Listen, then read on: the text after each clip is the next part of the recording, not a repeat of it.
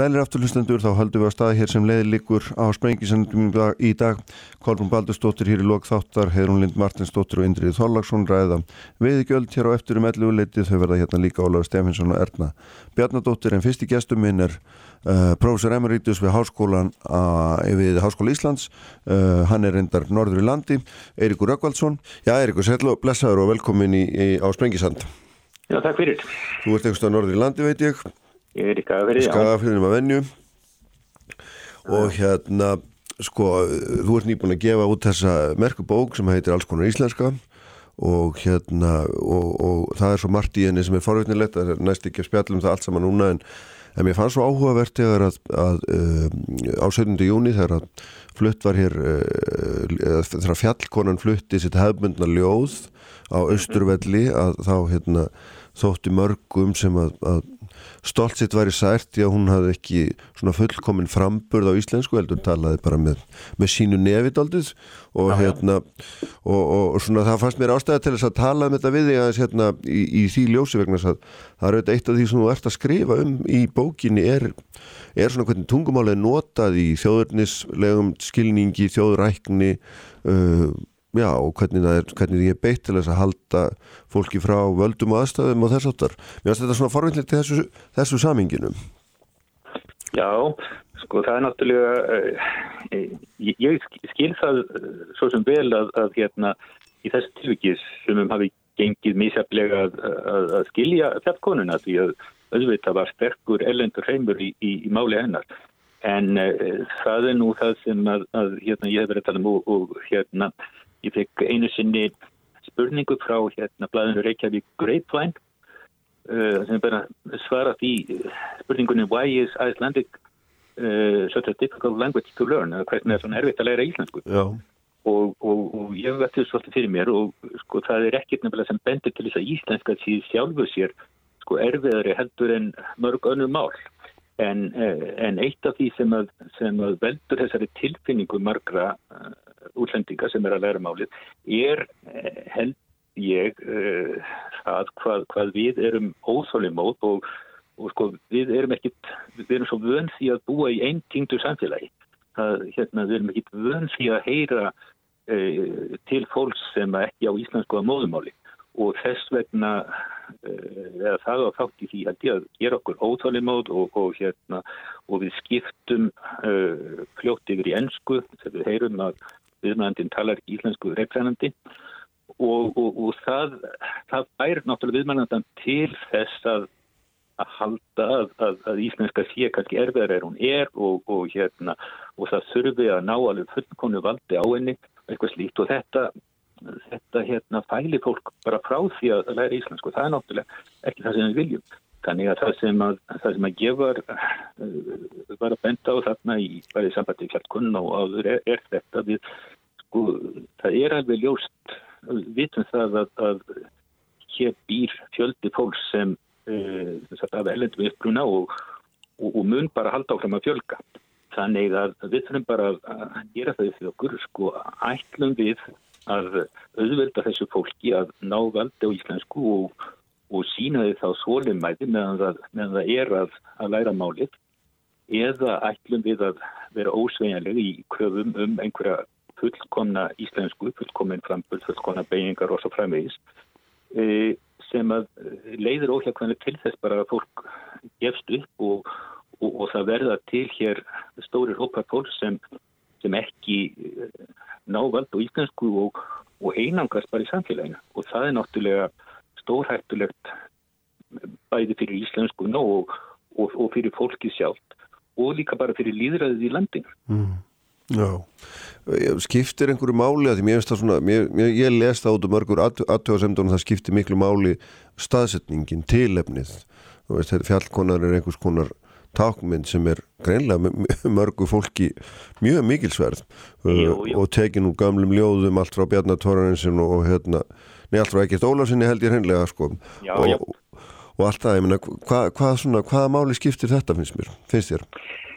Jújú, jú, ég get alveg skilið þetta, þetta sjónamið en, en þetta snýst bara um það sko hvernig við ætlum að, við ætlum að taka á, á hérna, móti fólki sem kemur yngad, ætlum við að hugsa sko þetta sem um þetta sem einhvern, einhvern reynan kynstofn og, og, og reynd mál sem er algjörlega hérna, ómengað af, af öllum ytri áhrifum eða ætlum við að viðkjanna það að, að, að, að það er margt fólk af velendum uppruna sem er komið hér uh, til þess að vera að ætla sér að búa hér og, og hérna það ætla sér að að lagast sagt, samlagast íslensku samfélag og við viljum að gera það. En, en þá verðum við líka að koma til mótsuða Já, akkurat.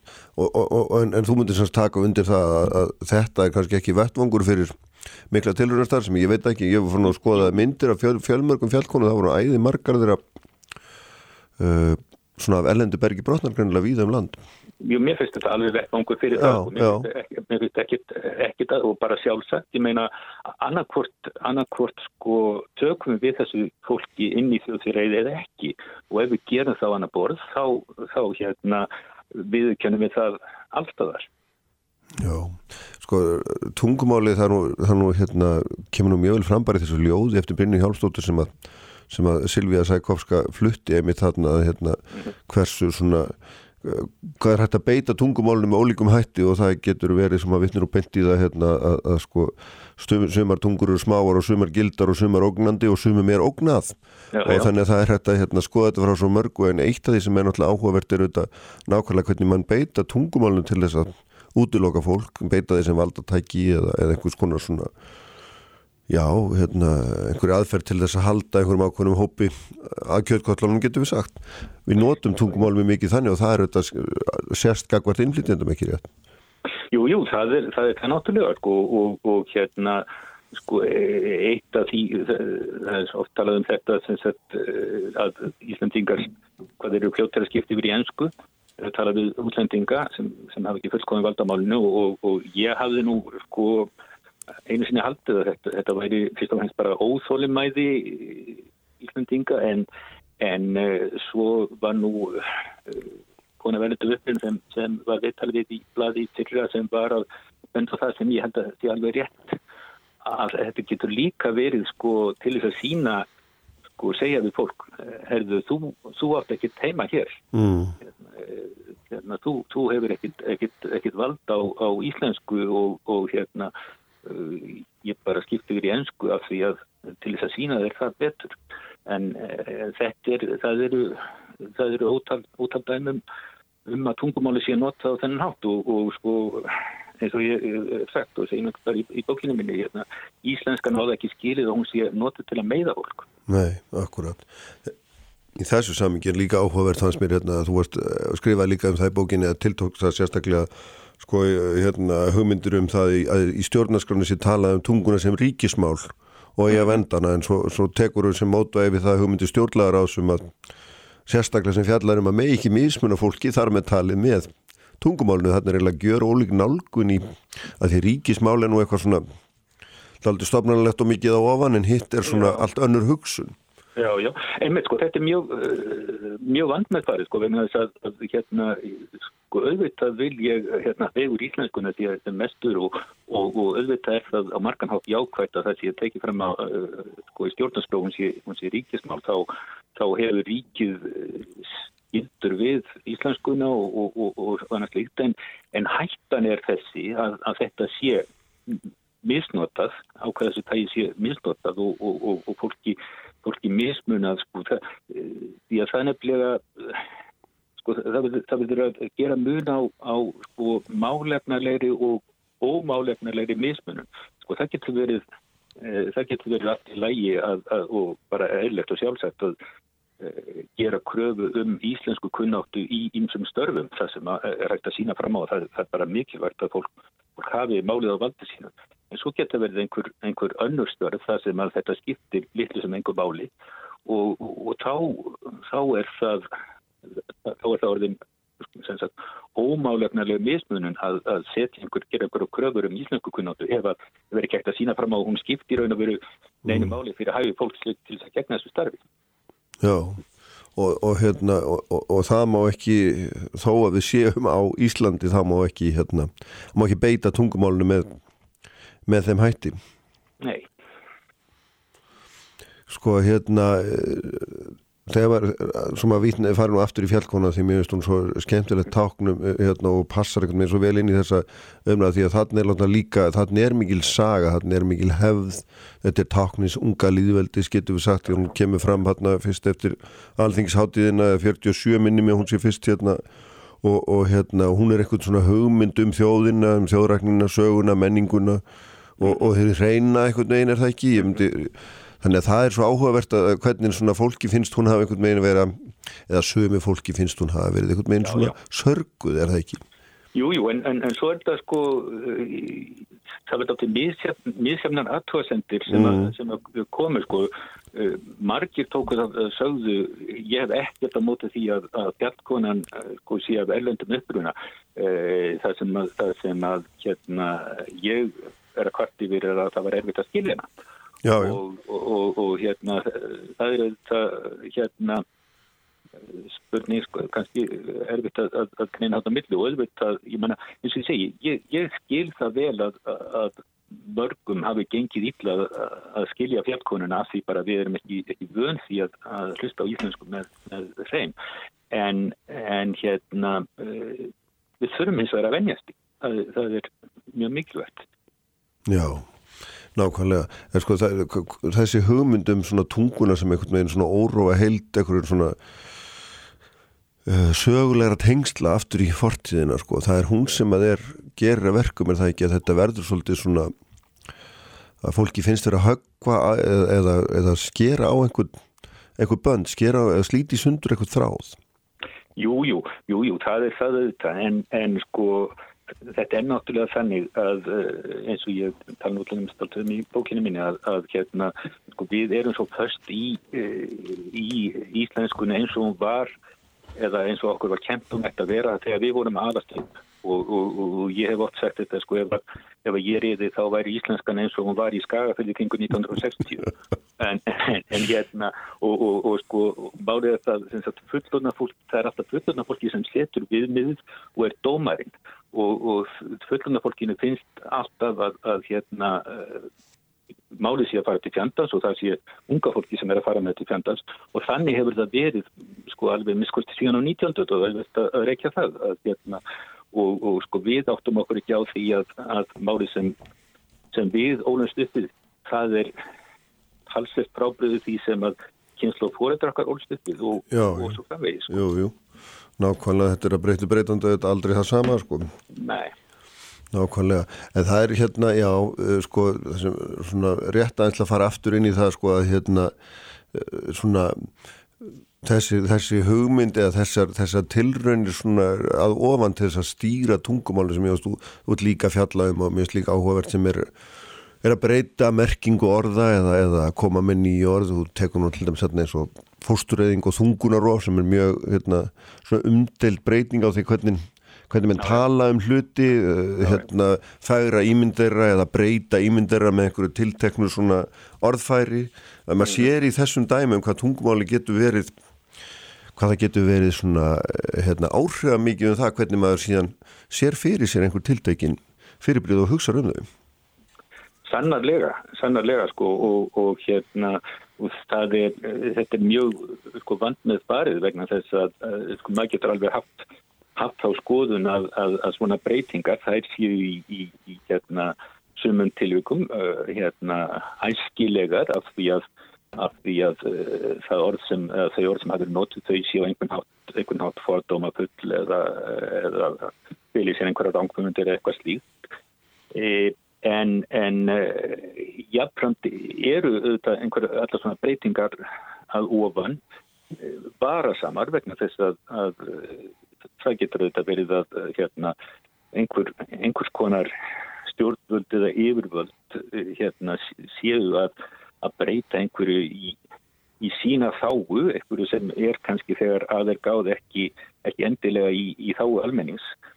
Þannig að, að það sem að, að ég er nú að reyna að vekja til á er, er sem sagt að, að hérna, það er ekkit eitt það er ekkit einfalt svar eða einfalt nýðustad í svona málum það sem að skiptir bara máli er að, að málnótendur þeir þeir hérna, veldi tungumálunni fyrir sér og, og hérna, ef, við, ef við verðum vör við einhverjar, einhverjar breytingar eða eh, sjáum við að heyrum eitthvað sem okkur finnst áhugavert í máluna við bara veltum fyrir, fyrir okkur sko. Mm. Af, hverju, af hverju er þetta að gerast? Af hverju er verið að breyta þessu eða hver er ástæðan fyrir því að þetta breytist úr, úr, úr svo framvegis? Já, já, akkurat hvað líkur að baki þeirri humundafræði, hvort þetta sé einhver hérna undir róðustarfsemi eða bara heilbrið endur skoðun á, á eldri hugtökum sem ná ekki yfir, yfir samt, inn í samtíman. Já, já, ég, ég tók náttúrulega í bókinni dæ, dæmi sko til dæmis af því þegar hérna Evrópasambandsumsóknir var í gangi þá var sko anstæðingar hérna Evrópasambandsins þeir, þeir töluðum aðlugunar viðræður mm. en, en hérna stuðnismenn töluðum samningaviðræður eða eitthvað svolítið sko og, og hérna og svo deildum við um hvað var í rétt þýðing á, á erlendu orðunum og svona en, en, en svona að þetta er hægt náttúrulega að nota orð til þess að til þess að móta hugmyndi fólks um hvað er í gangi. Nákvæmlega. Sko eitt hérna í lokin, það er nú ansið stórt auðvitað kannski aðsnald að varpa því fram svona í lítili spurningi í lokin en, en hérna e, sko eftir því sem að hvað ég var að segja, eftir því sem að fleiri fara að tala til ekki tungumál og koma rólingum áttum og, og svona gera það með sínum hætti þannig. Þetta er náttúrulega best þekkt í ennsku eða sem að móðumál heimsins er náttúrulega einhvers konar tungumál sem við getum kallað, kallað ennsku broken english, þar að segja einhvers konar svona og, og hérna og þá verður þetta náttúrulega svona skrítu að endur að því að það endar að því að það verða allir meira að minna ótalandi í, í hérna þetta verður svona eitthvað sérkynlega blanda eins og ég veit að þú eru ofta upplifað sjálfur og allir á upplifað á einhverjum fundum þar sem allir tala jafnlega ennsku til þess að meina ná saman sko. Ég er ekki svona þegar að menn gefa eftir í kröfum sínum um hvernig tungmáli framsett þetta einhver, ég veit ekki, ég er nú ekki nota orðið hætta en svona hugsanlega þróun Sko, það, það er náttúrulega líka spurningu hvað, hvað kom, það merkir að, að gefa eftir það sem að hérna, það, sem, sko, það sem ég er að, að, að nú vera að tala um að tala fyrir sko, er að við verðum í gagvart hérna, alls konar íslensku ímsum afbreyðum bæði í, í beigingum og orðbæri og, og hérna lambarið og svo framvegis. E, sko en, en ég meina þetta er, þetta er í sjálfu sér ekkit, nýtt þannig. Hér, það, hérna hafa verið, aftur verið einhverjar mállískur á Íslandi og, og við förum til, til Noregs, ífurlega mikið af, af mállískum og, og það er bara talar hver með, með sínu nefi sko. Og, og hérna það er ekkit hérna, það drefur tungumálið ekkit. Það er hins vegar En það verður þá til eitt og ofinbært mála móti sem að er nöysilegt að koma á fóteksat. Jú, en, en, en það er náttúrulega það er náttúrulega til ég meina við, það, það eru, eru einhver ákveðin viðmið um það hva, hvernig íslenska eigi að vera eh, þó þau séu ekki, ekki ölluleitið skráð En jú, jú, ég meina það er eðlilegt að það séu mismunandi sko, málsnið í gangi, mm. það séu eitthvað sem er svona formlegt og, og notað við ákveðnar aðstæður og, og, og svo hérna séu alls konar, alls konar tilbyrði en, en hérna það sem að, það sem að ég hef verið að, að tala fyrir er að, að það sé ekki alltaf verið að sko svona beigja allt mál og tal undir þetta þessi formlegu viðmið. Mér finnst vera allt of, allt of ábærandi Já, nákvæmlega menn síðan fastur í fastur í forminu. Já. Nákvæmlega, er þetta frólitt ykkur og hérna takk fyrir að vera með mér og, og, og goða hvaðir Norður í Skagafjörð. Já, takk. Já, svo heldum við áfram hér eftir augnablík, það verðuðu hjá mér Ólafur Stefensson og Erna Bjarnadóttir Sælir afturlustendur, Eiríkur Rökkvaldsson og þetta farin frá mér en þau eru búin að koma sér hér fyrir Ólafur Stefensen sem er frangatastúri í félags atvinnureikenda og Erna Bjarnadóttir Hagfræðingur. Komið sæl og blessuð Ólafur og Erna, velkomin tími bæðið tvö. Takk fyrir. Takk. Sko þarna sem að rammið þetta aðeins inn núna þá er staðan svona á maturumörkuðum í heiminum og það er hækkandi ráöfnis og matulaverði sjáum það verbulga, hérna er kjöraðstöð, þetta er kjöraðstöð fyrir þá sem að svona vilja líta fram í samkipinu, þetta er hættulega stað þannig séð og hérna spurningin er hvort að hvað er þetta að gera í þá neytinda í þessari stöðu núna, hvort að á að opna landamæri frekar, læka totla á sem frammeins mm. eða hvort að eigi að venda innlenda framlegslu og huga því sem við stundum kvöllum matvælu er ekki þetta er svona einhver kjarni sem er langar að ræða vikur þetta er svona tveir pólar sem að mm við erum að ræða í ögnum blikinu, viltu byrja Óli? Hvað, hérna, hvað finnst þér rétt að gera í þessar stöðum? Opna. Já, já Sko ég hef nú alltaf verið talsmaður hérna, hins frjálsamarkar og frjálsarsankefni sem að ég tel að, að skil okkar og öllum á, á endanum uh, bestu nýðustöðu e, þar með er ég ekki að segja að ég til dæmis ekki að styðja við innlenda landbúnaðarframlæslu, ég held að, að það sé sko óhjákvæmlegt, spurningin er bara svona, hvernig það er gert og, og í hversu miklu mæli. Ég er reyni mjög ánæður með að eh, sko þessi mikla umræða um fæðu öryggi sé mm.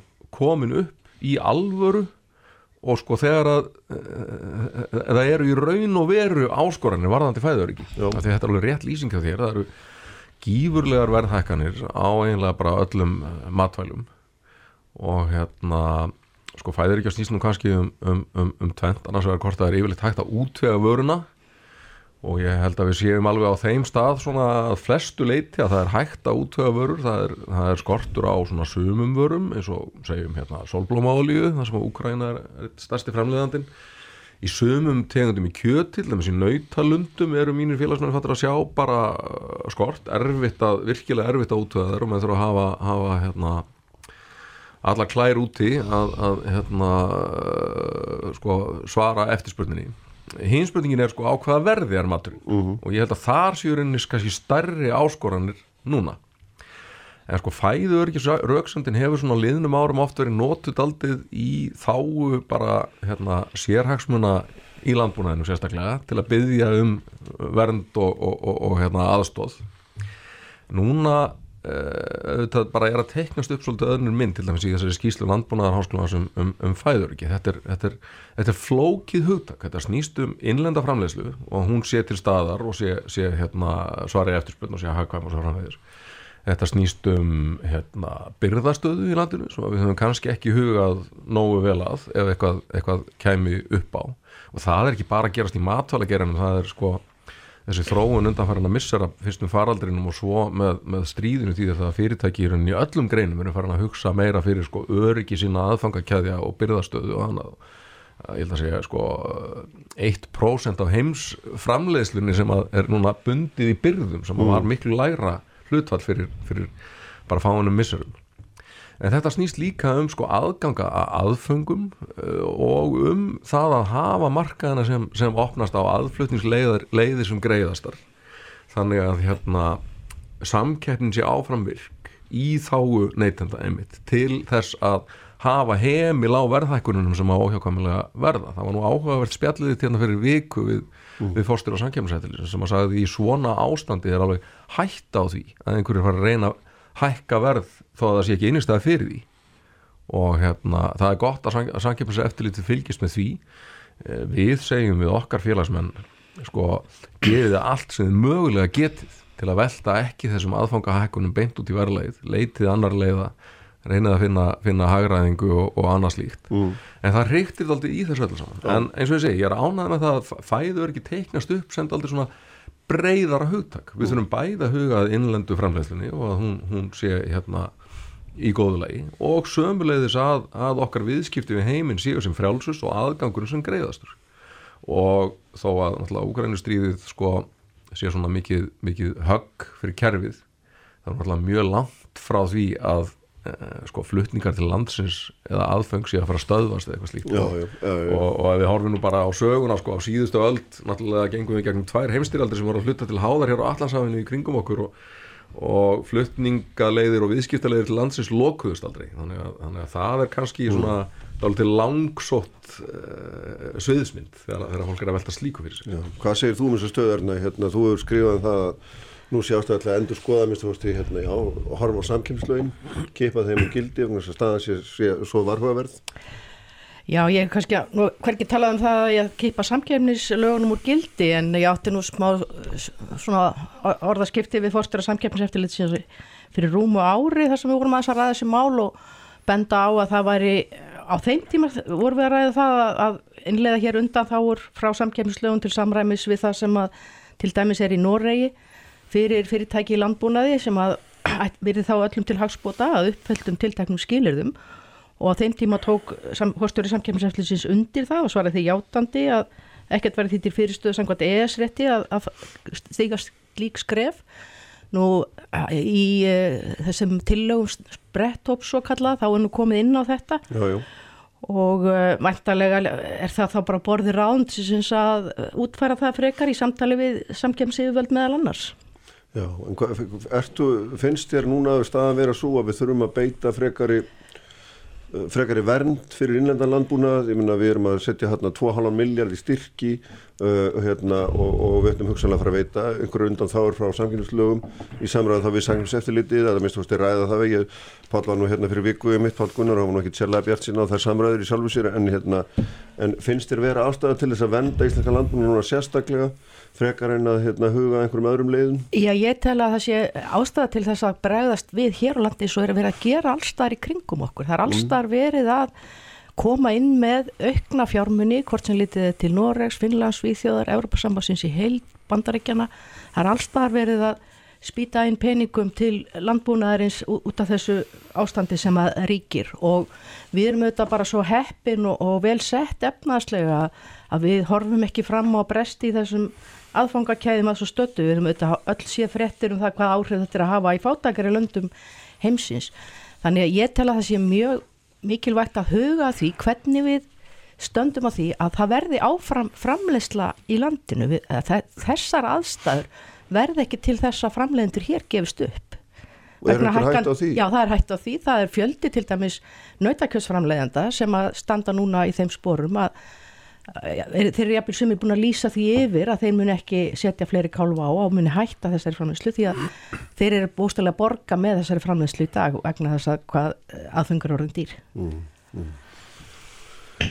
Já sko, ef við veltum fyrir okkur til þessum tillögum spretthópsins ég, ég, sko, ég hef sagt ég, ég í rauninni hef ekkert stórkostlegt út á þennan styrkjapakka að setja það, það er ósköp einfalt mála og, og eins og Erna segir það, það er að gera það í landunum í kringum okkur það er að bregðast við þessu áfalli með hérna, tímabundinni aðstóð við bændur.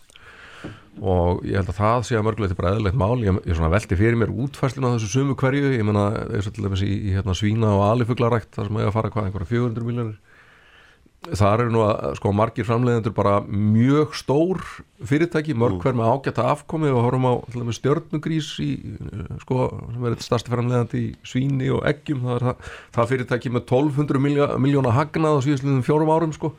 Þarf svoliðis framleiðandi ríkistyrki, held ekki. En það er kannski svona eitthvað útfærslu aðtrið mm.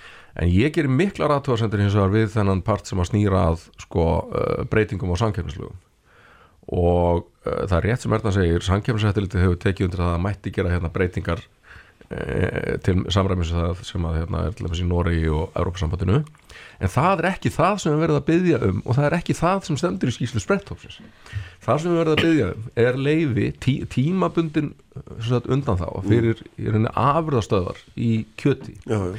til að hafa með sér samstarf eða saminast og þá vantilega sko Uh, hérna, með einhverjum öðrum skilirum heldur en er í núverandi sankjöfnislögum það, það er alveg það er fullkomlega hægt fyrir fyrirtæki þessum geira að hafa með sér samstarf eða saminast samkvæmt núverandi lögum. Það er eitt slíkur samrunni nýlega af staðin hjá hérna, norrlenska og, og, og, og kjarnafæði fyrir norðan. Hún var að setja tiltekin skilir því meðan þess að þá er bænda á neytenda sem að samrunnaðilanir fjallust á. Og ég segi sko eins og Pál Gunnar sagði hér fyrir, fyrir viku ef menn telli að þurfa að breyta lögunum þá treysta mann sér ekki til að rauksti eða þessi samrunnar eða samstarf sé í þáu benda á neytenda. Nei.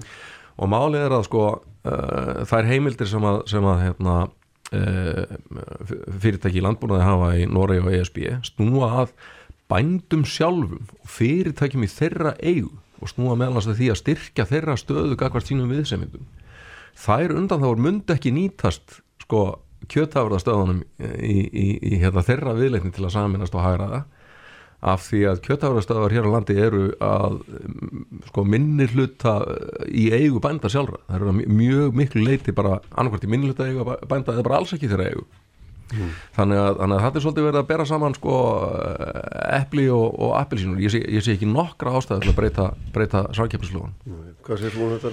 Ég, ég er náttúrulega, hvorki var í þessum sprettópi að tala fyrir hönd þessar fyrirtæki, Nei, tala nei, það bara nei. sem áhuga manneski um Já, já, þetta, svo það sé nú alveg bara ég já, ekki þetta ágætlega. Og ég, hérna, ég tel nú að þetta sé nú kannski ekki alveg rétt sem Óla segi hér að, að þetta sé ekki fyrirtæki eigubænda, þau eru mörg hver alfarið og í, að stórum hluta eigubænda. Það er vissulega rétt að sum þeirra er að hluta til í eigu annara En uh, málið er það að þarna á þessum vettfangi saminast bændur til þess að nýta samleiðar áhrif í sa, þá samnistöðu gagvart kaupendum afverðina, það er að segja smásölunni eða kjötafuri stöðum sem standa utan þeirra og, og nýta þannig sagt, hagkvæmni stærðarina saminast um flutningaverkun og, og geimslu og svo framvegis. Þannig að, og það er á þessum forsendum til dæmis sem að framkvæmda stjórn Európa-sambansins hefur samið þetta sérstakar regluverk fyrir samtök framleiðenda til þess að marka setja sínar afurðir. Og sama gildir í Noregi og hann nefndi nú hérna sérstaklega hérna, enna samruna norrlensk og kjarnafæðis, það er rétt, það er rétt. Það tók langan tíma og var gert með skilurðum en í til dæmis Noregi þegar að hérna gildi og uh, ég man ekki hvað hitt príor saminuðst kjötaðustöða fyrirtæki á sínum tíma, þá gengi mjög lengra. Þau hafa kaupskildu gagvart norskum bændum nánast hvar sem er í landinu og tilteknu verði. Þannig að, að það er auðvitað alveg rétt að, að slíkt verður auðvitað að gera með skilirðum En sko, það, það hefur engum nákvæmnaríkjum okkar dottið í hug til dæmis að, að sko að, taka út sko samruna eftirlit samkeppnis yfirvalda eins og var gert hér í bransanum sem verðnaðar í núna í, í mjölkinni og leiti náttúrulega til þess að, að hér er nánast einokun á mjölkumarkaði sem er mjölkursansáan eh, og þetta er það sem að menn eru búin að vera að tala fyrir því að verði gert í kjötinu líka og er, og er algjörlega galið. En eins og ég segi sko, be, be, beinir styrkir eru, eru bara betri leið af því að þeir eru upp á borðinu og það bara sérst hvað þetta kostar neytendur sem eru sama fólki og skattgreynendur samkemnishömlur kosta neytendur mjög mi- mikla peninga en það sérst ekki með sama hættu og í beinum styrkjum. Tollar kosta le- neytendur líka mjög mikla peninga en það er ekki sýnilegt eins og í beinu styrkjunum. Þannig að ég segi alltaf uh, styrkindir eru betri en samkeppnis og, og viðskiptahömlutar sko. Ég má aðeins bregðast þessu með já. hérna mjölkina sko, þá má segja að MS hafi svipaðstu og tína í Noregi og bæði þessi fyrirtæki hafi til dæmis kaupskildu og allir mjölka hvort bændum. Já. og eh, MS hefur skildu til að selja líka þeim sem vilja vinna mjölk hér á landi og þannig að við, við erum að selja eh, fyrirtæki með svo örnu mjölk á bara innköpsverði nánast. Já, já, það gekk nú ekki svo vel þegar þið voruð að selja hérna upp í borgarins á sínum tíma Er þetta að tala um mjölkumálið? já, já, Það- við það- erum Ólaug höfum rætt það í annað tækifæri. Já, já, já, ég veit nákvæmlega auðvitað verða allir að vanda sig og fara eftir Já, þessum reglum, en já, við erum já. auðvitað að tala bara um það að leita leiða til þess að lækka vöru Já, verð og, já, og einmitt, en- auka, en- hækka verð til bænda. Já, en nákvæmlega, hvernig, ef, það er svona grundvallar atrið í þessu, hvernig myndir þú vilja gera það? Vegna þess að Ein Ólafur er náttúrulega lagt til og oft sinnins áður en líka núna að sé rétt til þess að horfa á tollana, læka þá hvaða leiðir myndir þið og þú, þú vilja fara í þessu núna? Ég heldur frekar vilja horfa bara á þá gjöld á framlýstunni svo virðisöku skatti eitthvað slíkt tímabunna lækkun á skatti á matvali til þess að, að halda aftur að þessum hækkunum gagvart neytundum og síðan leita allar að leiða á hinni hliðinni að, að spara eh, draga úr kostnaði framleiðenda við framlýsluna. Þannig að þú myndir vilja beita sagt, frekari ríkistyrkjum í, í, í þá, þá veruna. Tímabundið eins og er verið að gera akkurat núna í þessar tilum spretthóksins. Já, en na, er ekki almennar aðgerir bara svona til lengri tíma skinsamlega? Jú, sko, tollalækkun á þessum tímabóndi tel ég að sé nú ekki fallin til þess að tala inn í samengi því að til þess að við höldum eins og þessu nautakessframleðendum sem ég var að tala um áðan inn í framleðslu þegar þeir geti skaffa nautalundur til fyrirtækja hér á landi að þá þurfa þeir að fá ákveð verð fyrir sína framleðslu og, og það, það verð verður að fást annarkvort út á markanum eða þá með ríkistyrkjum.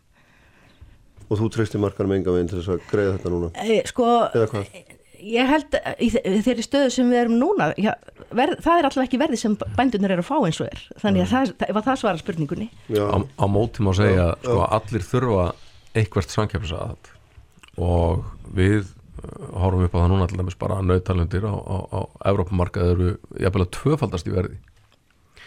Og þá segjum við væri nú ekki eðlilegt að hérna uh, lækka tollana þannig, að, þannig að erlenda varan væri þá að missa kosti í sambarlegur samkeppnistöðu gagvart þeirri innlendu og hún, og hún var áður en þessi hækkana hreina gekk yfir. En það er nú reyndar ekki, ekki verðast ekki vera mikil hlustunarskilir í, í pólitíkinu fyrir, Nei, fyrir slíkum þetta er náttúrulega algjörlega fordæma lausar aðstæður og því þú nefndir einmitt áðan solblómálíuna frá Úkrænu að þá las ég nýveri sko að nú munu bændir í Úkrænu ef þeir annar borðar að sá þá sá þið frekar solblóma heldur en kveiti þannig að þá mun bara kveiti framleyslan í Úkrænu dragast enn meira saman. Þannig að þetta, þetta er alltaf svona einhver uh, hjól já. sem við erum að hlaupa á sko. Já, já, en, en þetta, er, sko, í, í stóru myndinni þá, þá er uh, það var nú, hérna, The Economist var einmitt að fjalla um þetta í blaðinu í síðustu viku. Stóra myndin er svo að uh, fyrirtæki í öllum geirum, um allan heim horfa núna meira á öryggi sína aðfangakæðja heldur en kostnað þessi just in time aðfangakæðja þess að mann reynda að liggja með engan lagar og svona já. hún er alltaf undanhaldi og, og, og Economist segir sko hættan er svo að mann gangi of langt á öryggisliðinni og hérna að frelsi í heimsviðskiptum skadist sem að muni síðan sko veikja markaðina og valda verðhækkunum til lengri tíma verði einfallega allt og dýrt. Þannig að, að kunstin er að finna einhvern jafnvægi þannig á milli og eh, eins og ég hef sagt að, að, að hérna, panikara kannski ekki alveg sko. Úkrænu stríði þýðir engin endalokk frjálsra heimsviðskipta hvorki með mat nýja annað. En að sjálfsögðu á- eigum við að hug- huga að, að hérna, fæðuörginu og að það er já, miklu miklu flóknara hugtak og, og, og hérna, stærra verkefni að tryggja það heldur en að, að hérna, reysa bara einhverja verndarmúra fyrir innlenda framleyslu eins og, og umræðan sko, hefur verið áður en að þessi að, að, að mörguleiti sko, uh, þessar sko, hotlu áskoranir ko, komu upp. Sko, þe- ég má tala eins inn í Já, þetta og ég, já. þetta er mjög góðar punktar sem er að koma hérna inn á og þetta er akkurat það sem alþjóðstofnir hafa einmitt haft mestar áhyggjur af. Það er þegar að ú- hefðbundin útvönd- útflytjendur matvæla eru núna að leggja bann á útflytning af því þeir ætla að geima það e- og sapna byrðum. Og það er það sem er hættulegt fyrir heimsmarkasverð og fæðuriki þeirra þjóða sem eru mjög háðar innflutningi. Þannig og að því að var nefnt nú líka byrðahald hér á landi, þetta kostar allt, ekki bara kostar eiga byrðina, þetta hefur líka áhrif á verða í heimsviðskiptum og að fæður ekki og margt fleira þannig að það er mjög, mjög mikið leit sem þarf að fara fram að einhverju jafnvægi og það, það er kannski rétt svar eitt í dag og annað eftir ár. það, það er ekkert gott fyrir Ísland sem matvæla útflutningsland að sko pendullum sveiflist of langt í átt til sjálfbærni af því að það er, ekki gott fyrir okkur að, að fólk út um allan heim segi nei við viljum bara veiða allan fiskin okkar sjálf af því að þá komum við ekki út okkar sjáarafurðum sem eru sko margfalt margfalt það sem að, sem að hérna, hver Íslandingur geti torkað, ég man ekki hversu mörg Já, já, kíló það var í fiski fáránlegt Íslendingur fyrir þurfti að okkur að borða setja skilurðu. útflutningsbann á fiski, Já, fiski í algjörlega- þessum aðstæðum sko. en það er það sem lönd er að gera, til dæmis vandi kveitur rískor, þeir bara banna útflutning á þessu. en uh, til lengri tíma litið er hagur jafn neytenda á þeirra sem að starfa á þessum mörgum að þeir séu sem frjálsastir og um, ég hef haft kannski svolítið áhyggjur því sko það kom út hérna mjög fín skýrsla á, á sí- síðasta ári um, um hérna landbúnaðastefnuna þessum er mikið af góðum hugmyndum um sko nýjungar og breytingar í stuðningskerfinu meiri vöru þróun og svo framvegis. Maður hefur svolítlar áhyggjur af því að svona ástand sko hægi á þeim breytingum af því að ég held að það séu stórkostlið tækifæri í íslenskum landbúnaði. En það að grípa þau felst ekki síst í því að komast úr viðjum sko að mörguleiti algjörlega úrelts stuðningskerfis. Og ég er svolítið áhyggjur að því að, að þetta ástand núna tefji fyrir slíkum breytingum. Og, og, og ég held að það sé að mörguleiti hlutverk stjórnvalda að þá kannski við gerð næstu búarsamninga að, að keira þetta álítið áfram að, að hrista upp í þessu kerfi. Ég held að sé nú endur skoðan búri samninga í mann rétt á næsta ári með eins og þeir skam samningarnir eru skrifaðir þannig að auðvitað eru og auðvitað á þetta alltaf að vera í endur skoðun að, að mæta þörfum tíma hverju sinni, ég held ekki gera dragur því, að sjálfsög ekki. en En, já við Ólaug getum ábyggilega delt um, um sko hvernig tollaumhverjun á að vera, ég held að Já, við munum hvorugt skiptum skoðun hérna í þessu setti hjá þér Kristján. Nei, nákvæmlega, en það er svona, ég meina, það er, það er ljóst að eru þetta þessar áskonunni fram, framundan. Og það sem er alltaf líka merkilegt sem við gerum það frá loka punkti að sko þegar, þegar ég skoðaði hérna uh, mælingar ASI á verðlagi. Þá kom ég ljós að allar þessar aðfangakeðjur og, og, og flutningstræðu og allt þetta hafði þó ekki hérna, kosta meiri verðhækkan en svo að, verð, að verðhækkan og innlendis framleyslu eru meiri. Já, það voru nú fréttum í síðustu viku um að rétta að þessar verðhækkanir eru svona að smitast inn núna ég, og sjálfsagt þekkir Óláður það nú enn betur en við sjáum nú En það eru mjög miklar hækkanir og innlendir framleyslu þrátt fyrir það og meiri heldur en á þessari aðflöttu Já, það, það voru náttúrulega búin að vera tvær ofnbæra hækkanir á mjölk og það er, það er að endur spekla hluta til þessar kostnæðarhækkanir sem hafa verið á hráveru, elsniti og, og slíku. Þannig að þær hafa komið inn í verðlægið fyrsta des og aftur í aprilbyrjun það er einhver blöð með það að fletta og ekkert engin ástæð til að halda þau fram og uh, kjöt hefur einhverju leiti hækka líka, ég er ekki alveg jafn kunnu þar en hérna innlendar vörur hafa líka hækkað og, og ég held að sérna horfur á að það sé ekki alveg að stöðvast í bráð ef ég les landi rétt. Ljómandi, herðum, ég held að komast ekki lengri bíli Takk ykkur báðum fyrir að koma. Takk hella og höldum þessu áfram á nokkur svafa hérna í framhaldinu. Höldum svo áfram hérna á Sprengisandunum eftir ögnublik Sælir aftur hlustendur, þá höldum við áfram hér á Sprengisandunum og nú ætlum við að fara úr landbúnaðinum yfir í sjárútvegin uh, það, eru, þetta, það er klassíst mál að, að deila um það hversu hversu háar upphæði sjárútunum á að greiða til samfélagsins og hversu há veiðigjöldin eiga að vera einhverjum og sérlega hversu hár arðurinn að er og, og Til þess að ræða þessi mál eru hér hjá mér Heirún Lind Martinsdóttir sem er frangatastjóri samtaka fyrirtækja í Sjárútvei og Indriði Þorláksson uh, ríkiskastjóri fyrirhandi og ræðinstjóri fyrirhandi er á línunni Norðalún landi og hann hefur reyndar verið að fjalla um þetta undaförnum. Verið velkomin til mín bæði Indriði hérna, Þorláksson og Heirún Lind Martinsdóttir uh, Indriði með okkur á síma Norðalún landi, Heirún hérna hjá mér í hljóðverinu. Sæla blessu bæði tvö. Hæ hæ. Eh, það er, það er hérna það er að lifna yfir umræðum um veiði göld og, og, og sérstaklega núna svona um upphæð þeirra hérna eftir að kannski eftir að Svandís skipa þessar óulu og nefndir sínar allar um sjáarútveginn sem að í eru tugi manna og hérna allt líkur undir. Hún saði hérna hjá mér að það væri allt undir hvert einasta smáadrið í sjáarútveginn væri undir í, í endurskoðunni sem hún ætlar að láta þess að nefndi fara í. Og hérna indrið með langar þess að beina þessum beina fyrst til þín spurningu vegna að veiðigjöld eða afraksturinn sem á reyna til þjóðurinnar geti leiðabilinu 40-60 miljardar. Uh, þetta er tíföld svo upphæð sem allmis var árið 2020 og nokkað hærið 2021 var ekki, svona um það byrjum tvöföld þess sem hún var 2020 ef ég kann þetta rétt. Og skýrðu þetta aðeins betur, þetta er gríðalög munur á því sem við sjáum í raunveruleikan og því sem þú telur uh, vera rétt. Já, það er náttúrulega spurningu hvað er raunveruleik í þessu efnu, hvort að við Já, raunveruleikin er er tölur sem við erum að miða sem við fáum. Það er raunveruleikin en mitt mat er að það er tölur sem bara fjarrri raunveruleikan Já. Og um, rökin fyrir uh, þessum tölum eða fjárhæðsí nefni eru reynda rauð fengin og leggja fyrir. Þau eru fyrst og fremst þetta er fyrst og fremst byggt á í hér úttækt eða skýslu hagstofana sem kemur á hverju ári um afkomu sjávarútvins og ég tekja þetta bara sem stuttum áli að þá svona sem dæmi á árinu 2021 að voru tekjur sjávarútvins þar sem sala á fiski í heil 246 miljardar aðfeng til þessara framleiðslu þar segja kaup á uh, öllu efni og fyrir utan laun og fyrir utan fjárfestingar.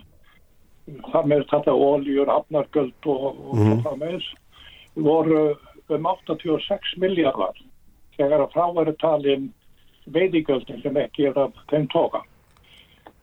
Þannig að eftir standa um 80 um hérna 160 og 6 miljardar þá fyrir ekki að þessi kostar 866 mm. miljardar mm. sem að skiptast á milli þeirra sem að segja, leggja fram í öllunina þar segja launa e, fjármaks og síðan öðlindarinnar launin voru um, 100, voru um 92 miljardar þannig eftirstanda 74 miljardar til skipta á milli þeirra sem eiga fjármagnir og þeirra sem eiga öðlindina Nú miða við svona venjulega reglur sem kemur meðan fram í árgreðslu aðferð hagstofunar og uh, reynda var lagt til grundvallar svipað í fyrstu lögum við í gæld að þá er fjármagnskostnaðurinn þar sem þetta árlega fjármagn sem þyrti að leggja fram til að greiða vexti og eðlilega ávarsna vegi fyrir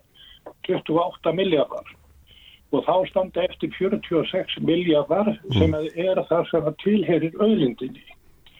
Nú ég get nefnt að, að þessar tölur sem ég nota, það eru alveg í samræmi við fræðilegar úttektur sem gerðar hafa verið á undanhaldum árum og þannig síðast skýrsla fjögur að haffræðinga, tökja við Háskólan Reykjavík og tökja við Háskólan Akureyri sem að komast að mjög sambærilegri niðurstöðu mm -hmm. þegar að líta á rentuna millir hvað heldur 2008 til 2018.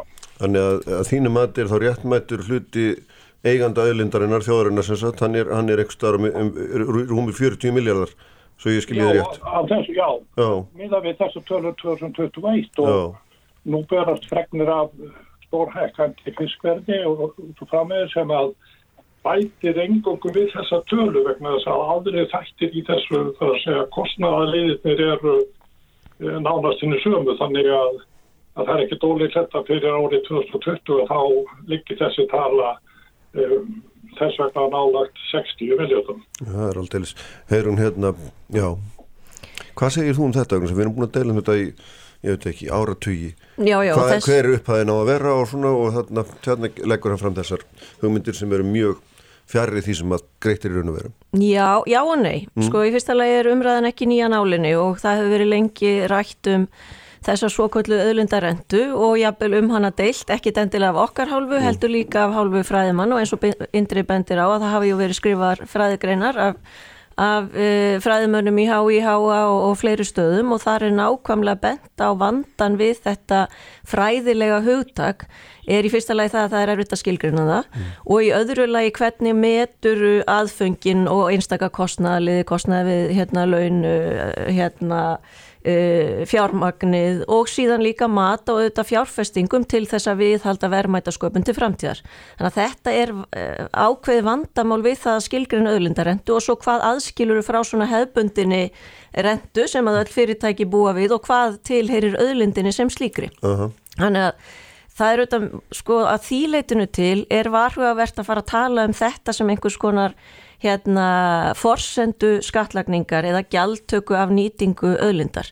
Nýtum það sem að þekkt er og það sem að stuðst er við af hálfu skattivalda, af hálfu greiningaraðila við mat á verðmætti sjáarútvegs, fiskveiða og svo framvegs e, og það sem að kannski að því endri vísa til hagveiða og vinslu sem er mjög gaglegt og gott til þess að já, hafa þetta gagsægi hvað sjáarútvegin varðar.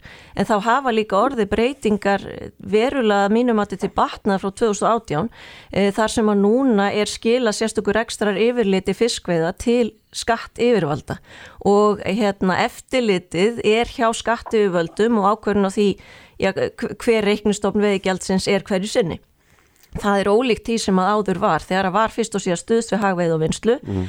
Sem að getur falið í sér einhverja skekkjur eða hérna annað þess áttar þannig að ég held að þetta sé komið mun, í mun betri farveg að þetta er núna eins og hefbundin skattlagning mm. en hvað fjárhæðina varðar e, að þá er kannski jú heimin og hafa á milli þess sem að greittir í veiðigjald í dag og þeirra fjárhæðar sem að indriði nefnir 40-60 miljardar sem að ég held að myndi nú fljótt hreinsa sjáarútvegin af hérna öllu eiginfí og, og hérna jafnvel stefna þá atvinnugreinni eða fjöldafyrirtækja í þrótt. En hvað um það? Hérna, við höfum verið, sko, það sem að greittir í dag er 33% af hagnaði fiskveða. Ekki af sjáarútvegi heilsinni, ekki af þjónustu við viðskiptavinni í skurð á fiski, pökkun, umbúður og svo framvegs. Þannig að nýting öðlindarinnar, það eru auðvitað það að veiða fisk hérna, mm -hmm. og selja hann til vinslu. Af því fær þjóðin auðvitað sinn arð. Þannig að það er mikilvægt að skilja þarna á milli. Hvað er hagnaður fiskveið og hvað er hagnaður sjávarútvis í heilsinni? Árið 2020 var reynhagnaður fiskveið að 13,4 miljardar króna. Þannig að af þessari fjárhæð þarum bil fara 33% í veiðigjaldið. Þannig að þetta á að vera alveg skýrt mm -hmm. og mhm. það er ekkit eitthvað sem er fjarrri lægi, bókaldslegum hagnaði eða annað, þetta er bara eins og atvinnulífið í heilsinni og það sem ríki reyði sig á í skattlagningu. það er framtöl einstaklinga ásreikningar, fyrirtækja. Í því liggja engar brellur, það er bara eins og lögveð áum mm. og það er eðlilegt að við nýtum þá þau gögn til, Snýst til þetta þá um það hvað við skilgrinu sem sjáar út hvort við skilgrinu það bara að vera fiskveðarnar eða hvort það er allt sem að Já, það hvað við skilgrinum sem nýting öðlindar já, sko, já, a, hversu langt um næri inn í hvað maður segja framlýslu keðjuna eða og sölu keðjuna og allt þetta. Já, en þegar ég segja já og nei sko hvert þessari töluðu mm. sem myndir í mm. nefnir þá okkur, sko, okkur hættir til að horfa alltaf á veiðigjaldi sem bara eina þáttin sem sjávarútuður leggur til samfélagsins og samneislunar það eru þetta alls ekki þannig. Og ef maður segir, heyrðu, hérna veiðigjaldið já eins og 2021 er tæpir 8 miljardar króna við bætist, ég menna veiðigjald, tekjuskattur, tryggingagjald, það er kannski hefur verið að meðaltali 19-20 miljardar á ári á umliðnum 5 árum mm. þegar vel hefur gengið í sjávarútvegi. 5,3% sem að ríki tekur til sín í formi afla heimilda er óbein skattlagning. Ríkið er í raun eitt stærsti handhafi aflaheimilda í því liggur auðvitað mm. það að það er verið að taka fjármönd til ríkisins. Síðan auðvitað eru sjómenn þeir fá auðvitað hlut í, í tekjum sjávarútvers í hluteldakerfinu þannig að þar líkur kannski öðlindarenda líka blessunarlega sjómen eru hæst launast að stjætt í landinu og svo sannarlega greiða þeir af því til samfélagsins. Þannig að þar lítur einhver renta svokvölduð uh -huh. að, að leggjast til samfélagsins. Þannig að þegar allt er samantalið þá gætu við jafnvel verið að nálgast og komin í þessa ágættu tölu sem að indrið nefnir 40 miljónar vegna þess að ég held að það sé já, meira en það sem að sjávar út og leggur til. Mm -hmm. Indri, hvernig svarar þessum? Já, ég er nú sjálfan heilt ja, langa ræður sem að byggja á svona hvað maður segja, tilhörnum til afvegalega umræðuna vegna þess að flestaði sem eru nefnir hefur ekkert með auðvitaðrættin að gera og núverandi reglur er ekkert byggðar á góðum grunni það er að vísa og notaðar upplýsingar úr skattframtölun en þegar mann líta á hvernig eh, tekurskattur fyrirtækja og sérstaklega sjávarúti er reiknaðu og þá er náttúrulega alveg ljóst að svona orðleg reiknuð afkoma hans er landfóðið að vera raunveruleg. Sem dæmi skal nefna að afskriftir, eða þess að ruggla þetta dæmi er fyrst og ennskast í fjármarsliðinni, bæði afskriftir og vaksnagönd, afskriftir af uh, fiskiskipum uh, 12,5% ári þar segja að allir nýju skuttóðin sem við erum að skrifa þeir draga niður reiknað af tekur í langt, langt umfram raunmörlega verðmættisvíðnum. Síðan er uh, hér, uh, gengisbreytingar sem ráða miklu og valda söflum í þessu frá ári til árs og fleiri og fleiri tættir. Þannig að þetta er ekkert, ekkert góð, góð grunnur. Í varðandi aðgreiningómiðli fiskveiða og fiskvinnslu þá er það vitað að stór hluti og stæðstu hlutin af allir fiskvinnslu og, og fiskveiðum er á höndum sumu aðila sem hafa í raun og voru frálsar hendur um að ákveða hvort að hagnaðurinn og starfseminn kemur fram veiðamegin eða sölumegin. Og það sem hefur verið gert er að það að færa þennan hagnað frá fiskveðum yfir í fiskvinnslu sem að kemur víða fram bæði í reikningum í samanbyrju við segja, skiptaverð og, og uh, markaðsverð á, á fiski og þetta er alltækt og alltjóðrætt vandamál og þess vegna komum sér eina þessir að krækja framhjáði og nota þennan, þennan grunn. Þannig að afkoma fisk veiða einn og sér segja mjög lítið til um raunverulegan hagnað af starfsemin í helsinni. Nú er ég líka að núvarandi hér veiðigeldakerfi sem að hefur hún telur vera eðlilegt og minnist á 33% og þá er það reiknað einhverju 33% af reiknuðum hagnaði fiskveiðana einna þó vita sé að stórluti af raunverulegum hagnaða fiskuðum sem fallir yfir í fiskvinnsluna. Mm -hmm. Það hafði ekki... En finnst þér það fiskvinnslan vera, er það auðlinda, hérna, sko, sókn í auðlind að, að vinna fisk í landi? Ég meina það hlýtur að vera líki ladri hvernig við skilgreinum auðlindina sjálfa, er það ekki? Já, en það sem er í þarna er það að raunverulega hagnaða fiskvinnum færður yfir vegna þess að verðið á millið þess að aðeil er ekki markaðsverð. Mm. Það er ekki mark, verka, marka, verð sem myndast á frálsum markaði heldur á milli, þetta er millilækningaverð sem er ákveðið og með vita hvernig skiptaverð til sjómanna er, er reiknað. Ég ætlaði að koma því að e, þessi 33% eru sem það reiknaður að þessu verð, verði nettoverðinu hjá hér e, fiskveðunum einum en vel að merkja til frágráttar frá stofninum, þar segja hagnaðum, eru leiðar e, hér að áskriftir sem að eru, eins og ég sagði áðan, blásnar vegna áskriftna reglana í, í skattakerfinu og þar er ekki vakstakjöld á sömu fjára, þannig að þegar þessi 33% er reiknilega búið að, að mækka galdstofnin verulega umfram, umfram öll rög. Þannig að það er nátt í frá að núgildandi veiði gældakerfi endur spekli raunveruleika mm -hmm. í þessum efnum. Mm -hmm. Sko kannski aðeinstilega skjóta þessu að varðandi Jó. sko þetta samspil á milli vinslu og veiða og það að afsetja hagnað inn í vinslu, þetta er ránt. Í fyrsta lagi þá er það þannig að eh, verð til skips það ákvarðast á ofinböru markaði það er hérna, frjálsmarkaður með hérna, abla hér á landi og verð til vinslu ákvarðast af, af því. E, það er líka til svona sem varnagli er tekið mið af afurðarversvísutölu vegna þess að sjómenn fylgja sagt, endanlegu afurðarverði þess afla sem er veitur og unnin. Mm. Þannig að lögin þeirra ákvarðast þannig og það sem fyrir skips ákvarðast þannig. Það er yngar eh, bókalds eh, hérna, í því eða hægt að hérna, ákveða hvernig... Það er ekki hægt að flytja hagnaðin úr veiðum yfir í vinsluna nei, nei, og, og lækka veiðgjaldi með þeim hætti. Nei, nei, hvað ráefni kostar er, og það, það er mér svo ofenbjörn nefnt sem hefur eftirlit með þessu sem er velast nefnt. Mm -hmm. Þannig að hérna, þetta, gengur, þetta dæmi gengur ekki upp. Í annan stað þá hef ég ekki orðið þess vörð að afkoma í fiskvinnslunni sem slíkri sé með nokkrum glæsi brag.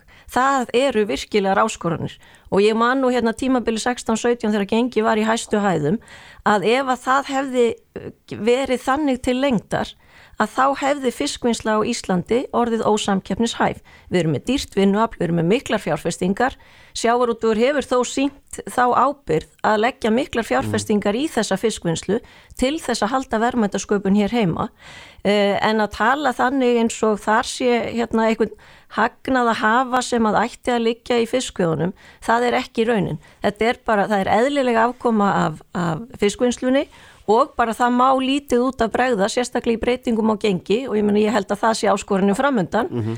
uh, hvað fiskvinnsluna varðar þannig að hérna, þessi hérna þessi málflutningur er rángur og ég er ekki eins og ég er mjög, mjög ósátt við þegar við tökumst á um þetta og það er eðlilegt að við tökumst á þetta og sjálfsögðu eigum við bara að ræða þessu öðlindarentu hvernig, hvernig er hægt að reikna og er það yfir höfuð hægt og getur hún verið fórsenda skattlagningar að það sé verið að saka mann um að afvegarlega um, umræðuna. Ég er bara að fara yfir nákvæmlega hvernig þetta er ákvarðað og þetta sé í höndum skattiðuvalda sem að hlýtur alltaf að vera besti farvegurinn.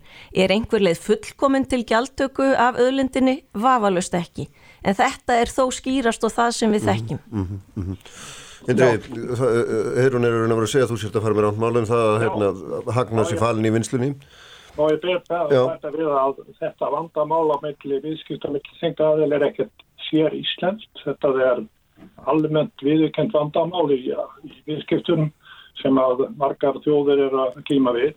Í öðru legi vegna þess hvað er besti grundvöldur til að skatleggja öðlindir að þá er nú kannski að hægast að líta til hvað aðra, aðra þjóðu gera. Það það er yfirleitt að leið að reikna öðlindarenduna með einhverjum hætti, við kunum bendið á til dæmis á normen og, og fleiri aðeila sem gera það. Sjáar út við í Nóri eða? Nei, bara um, það er náttúrulega fyrst og fremst olíuvinsla sem er nefn, þetta er sömu lögmáli sem gild. Það væri þá hæg heimatökinindriði að setja það á sjáar út við í Nóri, er það ekki? Já, ég ekki það til sjávartus í Noregi, ég veit bara að þeir nota þetta með góðum árangri í ofjúvilsunni og þetta á út af því að það rauksindi sé með eiga alveg svið um orkuvilsu hér á landi eins og, og sjávaróta til að það er byggja almennt á svona auðvita hugtækinu. En það sem ég myndi einnig koma aðeins þess að ég nefndi afvegalega umræðuna er að draga inn í allt í einu hluti eins og talað um með aðrar tekur af sjávarútegi. Það er ekki svo að sjávarútegur er eina sem að greiði tekurskatt og svo framvegs og framvegs. Það er ekki eini afgjörningun sem greiði laun og starfsmenn greiða tekurskatt og svo framvegs og framvegs. Þannig að, að það að telja þetta til sér, sérstaklega tekna af öðlundinu mm. er bara einfallega, einfallega rámt og varðandi það að 5,3% líta 5,3% útlötu til strandeið og svo frammeði sem einhvers konar auðlinda gjald er náttúrulega fullkomlega út í blá. En þannig bara verið að ráðstafa hluta af kótanum sem að öðru leiti þá hvað 94,7% fara til útgerðar þessara tiltekn útgerða aðra, þá fara þessi 5,3% til annara, það segja strandveiði, byggðagót og svo frammeður saman. Þetta er ástöfun á heimildunum með ekkert afgjald af, af öðlindi. Finnst þér, þér eðlitindriði bara sagt að, að því þú nefndir þess að tölur uppæði 40-60 miljardar og þetta er gríðarlega há uppæð og, og hérna heldar umfang sjárótu sem var það ekki 250-60 miljardar á sama tíma að þetta er feikilega há prósunda og feikilega há upp að ég minna er þetta ekki ansi mikil byrði því þetta er fyrir utan skatta og allar aðrar allar annan kostnað? Erum við ekki fannin að skatleiki eða, eða leggja gjöld á sjárótu sem er langt um fram allt sem eðlilegt er? Nei, þetta eru raunni verðmæti þeirra alfanga mm. þar að segja í þessu tilöki fiskveiði heimilda sem að þessi atvinnugrein fær ókeipis eða nær ókeipis. Það verður aðtóða bara til dæmis þess að nýta öðlitin eins og námur og svo framhæðis og bæntilega greiða fyrir það námu göldi eða og svo framhæðis og framhæðis. Það er nefnt í morgunum tilbyggum með þeim hætti þannig að þetta er ekki, er ekki skattlapin, þannig að einhverjum verið að greiða fyrir afnótin af öðlindinni og það er búið að draga frá þessu allan vinslukostnaðin, allan fjárfestingarkostnaðin, allan launakostnaðin og, og, og í fjárfestingarkostnaðin er meðtalinn eðlilega ávöxtun á uh, því fjármagnir sem bundið er í arfinu og ég vil minna á þess að grein sem ég vitnaði til uh, þessara fræðimennar í háskólan og í Reykjavík og Akureyri að þar leggja þetta í grundvallar við sitt mat á rentunni hvaða hagnaðurinn er mikill umfram það sem að almennt er í íslenskum atvinnilífi. Þannig að, að þetta er reynlega til viðbótar við það sem að, hvað maður segja, eðlilegt og vennilegt er. Uh -huh. Sko það bara já, til að skjóta að sko ef að við, ef að við tækjum nú útflutningsverðmætti sjávar að vera 246 miljardar króna mm. og það mhm. væri þá allur sjávar út og undir já. við tækjum aðfengin frá, við tækjum hérna laun og tengt gjöld frá og eftir staði þá ykkur 78 miljardar mm. ef að ríki tæki til sín 60 miljardar af þessu í fyrsta lagi, hvað færi til fjárfestinga til framtíðar verðmættasköpunar í greininni? Í öðru lagi, hvað færi til þeirra sem að legðu fjármagn, fjármagn til atvinnugreinarinnar?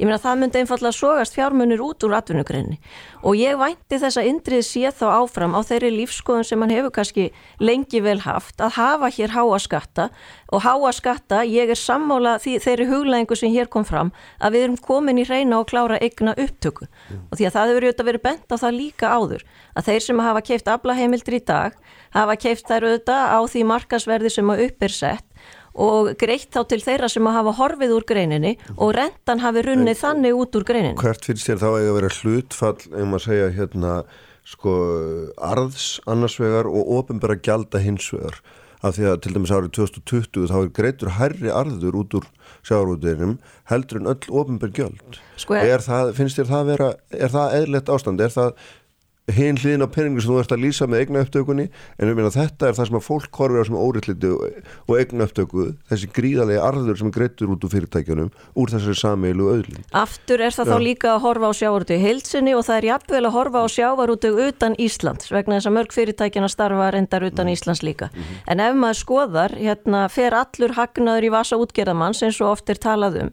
þá er þetta nei, ég menna ríki, tekjuskattur og veiðigjald hefur verið 35-65% af hagnaði á umliðnum árum, þannig að sjávarútu greiðir raun tvöfaldan tekjuskatt. Það er enginn að halda því fram að allur hagnaði farið þáka, það, það veldur við fyrir sér hlut. Nákvæmlega, já, í já. öðru lagi, þá þarf einhver hagnaður að verða eftir í fyrirtækjunum, mm. til fjárfestinga og til framtíðar verðmöndasköpunar. Þar hefur sjávarútu verið gert frábæra hluti og sínt aftur þá ábyrð að vera að horfa til langrar framtíðar um að skapa hér eitthvað verðmæti. Í þriðja lagi eru það síðan hérna argreifslutnar bara það fér sem að hluta var hafa lagt til að þeir fái eitthvað tilbaka. Þannig þarf að vera eitthvað jafnvægi á milli. Mér heyrist indriði vera algjörlega á þeim endanum að allt farið til ríkisins. Mm. Ég er bara að segja að þetta þarf að vera einhver eðlileg skipting þar sem við segjum megin áherslan á að sjálfsögða vera á fjárfestingarnar. Það býr til framtíðar verðmættasköpun, það leiðir til hins eh, þjóðfélagslega ábata fyrir mm. samfélagið í heilsinni. Þannig að hérna, við, þetta er einhver balans á milli þessa. En hérna, hvernig þetta hefur verið, 35-65% af þessu hefur farið til ríkisins hagnaðinum á umliðnum árum. Ég tel það vel í lagt og ef við lítum á þetta þannig að við erum í erlendri samkeppni, útflutningsatvinnuvegurinn okkar ræður því hvaða lífskjör við búum við hér á landi. Þannig að við ættum öll að vera í sama liðinu um að velgangi þarna úti. Ef við ætlum að skatlækja íslenskan sjáar út við í dref, nú þá verður þetta hérna, kvorki hérna, það verður ekkit úr þessum sjáarúti mm. þannig að við, við gleymum þessu stundum, við höldum alltaf að þetta sé bara hérna, hefbundin ykkur innlend hérna innlend starfsemi, mm. þar sem að það hækka aðfeng og skattar hækka og við bara hækkum verð og hérna neytundu þurfa að borga meira, ég menna við erum bara í þessari samkeppni Já. við ríkistyrtan erlendan sjáarútug. Hér eru við að rýfast um hversu mikið á að taka af hagnaði sjáurútöks. Þetta er luxusvandamál en það verður að vera einhver meðalhófi þessu. Mm -hmm. Indri, viltu skall ekki allt sem hreyfist bara? Er það, er það margmiðin? Nei, ég er að taka hefðrúnda fyrir að gera mér upp skoðanir fyrir skattamál og annað sem eru kannski alveg óþarri. Ég er færum að kynna það sjálfur. Ég vil bara benda á að hér auðlindagjaldið veiðgjaldið er ekki skattur og virkar ekki til sem skattahækkun þvert á móti með því að innenda eðnileg göld fyrir þessa auðlindstjóðarinnar að þá er hægt að hafa skattalagra en ella þannig að það má fremur segja að ég segi hér að tala fyrir sko, skattalækkunum sem slíkum. Síðan vil ég líka aðeins vara við þessari talum afgreifslunar, ég vísu ekki, er það alveg rétt sem hefur komið fram að það er að vera háar?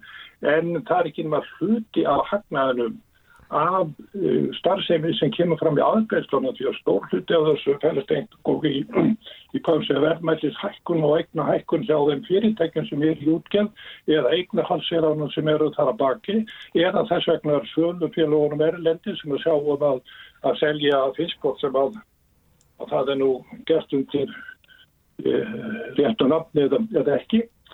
Þannig að uh, það er margt eins og sína vilja því að þeir eru lættur að við líkir þetta myndi koma að segja koll steipa sjá ándveginum mm. að í þessum útrekningum þá er gert ráð fyrir því að árlega sé með að við árið 2021 28 miljardar til nota til að greiða fyrir fjármagn þar með endur nýjun og, og svo fram með svo vexti af, af mannsfjörn og þetta er trúlega meira heldur en verið hefur í, og kemur fram í, í reikningum fyrirtekina þannig það er ekki verið að að ganga að grundverði þeirra heldur engöngu umfram hagnaðinu sem að uh, hvað við segja að sjávorúturinn hefur fyrir tilastöla ríkisvaldsins vegna þess að þessi hvað við segja einankonar aðstæða sem að hann er í. Hún er tilkomin vegna hvað við segja samfélagsins þar að þeirra ákvarðanar sem að alltingi hefur tekið. Sem miður hefur ekki tekið betur svo til að, að útluta þessum uh, hagnaði nokkuð misjönd á milli annars vegar þjóðarinnu sem eigandan og þeirra sem að standa í útgjörn. En þú ert náttúrulega að segja það Endri, að einhverstað verður að koma þessi peninga frá, þú ert þetta að segja það að eigandun reyja að fá minna í, í sinnlut, er það ekki? Sjálfsögðu, það sjálfsögðu er það sko. Og hversu mikið minna finnst þér það að vera? Já, eins og það er þessum að þetta er auðvitað rendan 40-60 miljardar ári með núvarað aðstæður Já. og það má segja að álita válkassu mann á að gangi innheimtu veiðugjaldsins í uppaflegu veiðgjaldslónu var með að við að um 65% af þessu færi til þjóðarinnar 35% til útgerðinunar. Í öðrum tilvikum og, og öðrum dæmu þá er þessar tölur mun herri, 75-80% til, til eigandans. En þetta er eitthvað atrið sem að þar á útferð og það er ekki vandalus, ég tek alveg undir það að þetta er ekki einfalt mál, en það eru til leiðir í þessu efni þar sem að vandal fyrst og þannig er að menn einblín eða gerir sig grein fyrir þessum grundvallar atrið að þessi auðvitaðrend er til, hún til er þjóðinni og það eru til leiðin til þess að koma að segja koma eðlilega mm. ágjaldi til þjóðarinnar með skilvirkum hætti. Hérna við þurfum að ljúka núna hérna, einn spurning til þín bara í lokin hér hún hérna sko og getur bröðist við þessu líka sjálfsögðu bara stutt hérna en, en það er sko í tilkynningunum frá Svandísi þegar hún settur af stopnum allar þessar nefndir þá segir hún að hérna, hún hafi tilfinningu fyrir því að, að sko, það sé mikil eh, hugmyndum óréttlæti ríkjandi meðal almennings og það sé tvent aðlega sem hún tekur þar til hérna ágóðanum að sameigilegri auðlind landsmanna sé ekki skipta réttlætan hátutur orðið eftir henni og svo hins er það samþjöpun mm -hmm. veiði heimilda. Mm -hmm. Hvernig á að bregðast við þessu? Uh, það er mjög góð spurning mm. og hérna þess, þetta óréttlæti, þarf, mér finnst þetta ágættis uppháspunktur sem maður þarf að minna sig á. Mm. Nýting náttúru og öðlinda er í eðlisínu hápolítíst mál. Um það verður alltaf tekist á um á vettvangi mm. stjórnmálana. Á ríkið að vera allt um likjandi í þessu, á að fela engaðalum, nýtingu þessa ábyrðina og annað þess áttar. Þannig að það verða alltaf þessi átök og af þessum sökum að þá auðvitað líka smittast þessi átök út í, í samfélagið að það sé ymmit eitthvað að sem þurfi að laga. Þannig að það er alveg áhyggjefni og ég hef nú sagt að kannski þurfa stjórnmálinn líka að líta sér nær. Ok, hvað gengur vel í sjáarútvi? Mm. Mjög margt gengur vel, e, bara, þetta er svo atvinnugrein sem að þó þegar áföllin á dinja þá hefur hún komið okkur í gegnum þau með því bara vera vel reikin og stöndu. Uh, en hérna það er ekkit fullkomið það er margt sem að örugla hægt er að gera betur í sjáurúti og við verðum bara að vera ofin fyrir því og hlusta á þá gaggrinni en að tala um það að það sé meira hérna, tilfinning þjóðar að það sé meira óréttlæti núna eða einhver tíman áður eða minna ég hef sé kannanir alveg langt aftur í 1980 eitthvað. Mm. og þá hérna var afstæða þjóðarnar svo að það var meiri neikvæðni í gar sjávarútuseldur en er í dag. Það er svona, myndi ég segja sko vel yfir helmingur sem að þeir tiltöla jákaðu eitthvað sjávarútvegi 25-30% hlutlaus og það er þessi 20-30% sem eru neikvæðir. Þetta doldi skiptist líka, þetta er svona hljómar eins og pólitíkin mm. líka og einstakir flokkar eða hvort úr til hægri eða vinstri en það er nákvæmlega þetta að bara nýting öðlindarinnar er e, hápolítist og sama með samþjöpunna. Ég, við erum sjávarútu og stendur næri hjarta okkar og ég held að fæstir vilji sjá þá mynd að hér sé fákeppnismarkaður eins og ég er í raun einhvers konar náttúru lögmál á Íslandi að við séum með 23 fyrirtæki sem að eru allsræðandi með kannski 80-100% hlutelt sem að selja okkur vöru og mm. þjónustu. Sjávarútverður útflutningsatvinnuvegur. Við viljum hafa fjölbreyttan en hann verður líka að vera hagkamur og, og fyrirtækin verða að geta sérhæft sig. Við lögjafin hefur þegar sett 12% hámark á hvað fyrirtækin meiga eiga og ef maður skoða þrjú stærstu fyrirtækin í sjávarútvei, veistu hver samþjöpunum er hlutelt þeirra er þar? Veit ég það? Já. Nei, ekki, ég er ekki með tölnar og hrein og ég myndi segja að hún væri svona rétt um 30%. Hún er 23%. Já. Við verðum að ef við skoðum þrjústæstu fyrirtækin á bankamarkaði, tryggingamarkaði, mm. livjamarkaði, smásölumarkaði, við erum með 70, 80, 90, 100% hlutild sjávarútur er hverki næri þessum en það er ekki á neytendamarka eins og hinn. Það er, er aðeins öðruvísi auðvitað nákvæmlega. hérna, og við erum í útflutningi þannig já, að stærð okkar á einhverju markaði úti í heimi já, já, nei, nei, hún er auðvitað miklu minn en 23% hún er vart mælanleg sko. Þannig að það er, það er þessir þættir okkur hvað hvað er það sem trublar okkur við þetta ég skil það vel eins og ég sé og það er bara þjóðfélagslega, það er áhætta að vera með of fá stór fyrirtæki ef að sjávarútu mm. færa á hliðinu og við værum hér með 2-3 fyrirtæki þá myndi fara illa í hagkerfinu þannig að, mm. að vera með ykkur að dreifingu á þessu en að tala um að sko þakið eins og það er í dag sé skadalegt ég myndi telja að það væri tiltöla fjarrilegi. Er, er það ekki samt sem að þannig að sko það er einhverja fjóra fyrirtækjablokkir með svona 6-10 hluta kvótans? Er það ekki cirka svoleiðis? Já, það fyrir eftir hvernig menn vilja tengja þetta. Og það, ég meina, það ráða bara, það ræður aftur vilji lögjafans og fyrirtækin starfa í samræmi við það, þau lög sem að lögjafin setur. Mm. uh, og það, ég meina, það að eiga 30, eða úr sjávartusfyrirtæki og þú að 20-30% í öðru fyrirtæki að vissuleiti er það áhættu dreifing og kostur vegna þess að þá liggur þekkingin áframinn í sjávarúti nú síðan er gaggringt ef að fjárfæstir í öðrum fyrirtækjum. Já, já. þannig að þetta, þetta er vand með farið. Já, hérna, ég held hérna tímasvegna þá komstu bara ekki lengra. Því miður, hérna, þakk ykkur báðum. Þakk fyrir að vera með okkur indri, þetta var hérna engar áhugavert og við vonum höfum komist ykkur eitthvað staðar næri kjarnamáls, takk fyrir að koma þeirra Já, takk fyrir. og hérna við höldum áfram hér á Sprengisandinum eftir augnablik. Sælir aftur hlustundur, þá erum við hér á loka sprettinum á Sprengisandinum þennan sunnudaginn, þau eru farin frá mér Heðrún Lind Martinsdóttir og Indriðim Þorláksson eftir frólegar umræður um já, hvað skildi nú vera eðlileg upphæð veiðigjalda í, af, uh, fisk, af, af nýtingu fiskveið auðlindarinnar en ég ætla að fara hér yfir í allt annað mál því að sestur hjá mér Kolbrún Baldursdóttir sem er borgarfulltrúi í Reykjavík. Sæl blessu Kolbrún, velkomin til mín. Takk. Uh, við höfum nú setið hérna uh, anspænir hvort öðru noksunum og hérna við erum að tala oftast næður um börn og, og hlutskipti þeirra í Reykjavík þar sem þú er borgarfulltrúið þetta. Og mér langar svolítið að halda því áfram því nú hérna var það meðal hans yfirlega stefna helst að sjúvera kostningana að þetta sníða Reykjavík eftir hagbarna börn ætti að vera í forgangi og minn ætti að hugsa all mál út frá þeim. Og hérna það sem þú hefur mikið verið að benda á til dæmis er sálfræði þjónustað í skólum og það er þú talar um það ennþá þessi 2000 börn að byrjast mm. og mér langar að fá álitið á hérna svona hvað sérðu í því sem sagt er núna um framtíð þessa hóps? Hérna ekki ekki Sko ég sé í raunin ekki neitt en ég auðvitað var í kostningabaráttunni og hlustaði á framsókn og, og talandi um barnaborgina og það fannst mér náttúrulega algjörlega frábært. Þess að sá ég alveg fyrir mér að flokku fólksins og framsókn getur velunni saman en það, það var það ekki mitt hlutskipti. En hérna að öðru leiti er ekkert að skei þessu málum. Í sáttmálunum er hann er mjög almennur, hann er óvenni almennur þessi sáttmáli og yfirbors svona legur eða yfirborskendur og það sem ég líka svona hjá eftir að það er á að gera allt í samstarfi við einhver að, aðra, samstarfi við ríkið, samstarfi við önnur sveitafélög, við verkalýsfélög og þá fer ég að hugsa hvað gott sko að geta sagt þetta svona sem mm. smá varnarnagla að hérna ef að hinn aðlinn sem allar við samstarfi við er ekkert að, að koma í samstarfi við að vilja, þá náttúrulega kannski gerist bara ekki neitt, þannig að það er svona alls konar hérna einhverja varúðar svona mm. ráðstafni gerðar og þá hugsa ég með mér bara hvað eru þessi verkefni, okkur eru þau ekki bara tíundið, eins og til dæmis bara að, að segja að við ætlum að bara að laga þjónustuna og bygglistar er svona pínu bannor, það, þú finnur ekki orðið bygglisti í þessum sáttmála. Ég hef bara haldið að það, það átti að vera fyrsta paragrafið sem stæði þarna að í þetta verkefni ætti bara að fara strax í og allavega að byrja að helminga það fyrir jólið eitthvað. Við mm. erum að tala um gríðala stóran hóp barna sem býða í nánast alla þjónustu sem borgin býður upp á.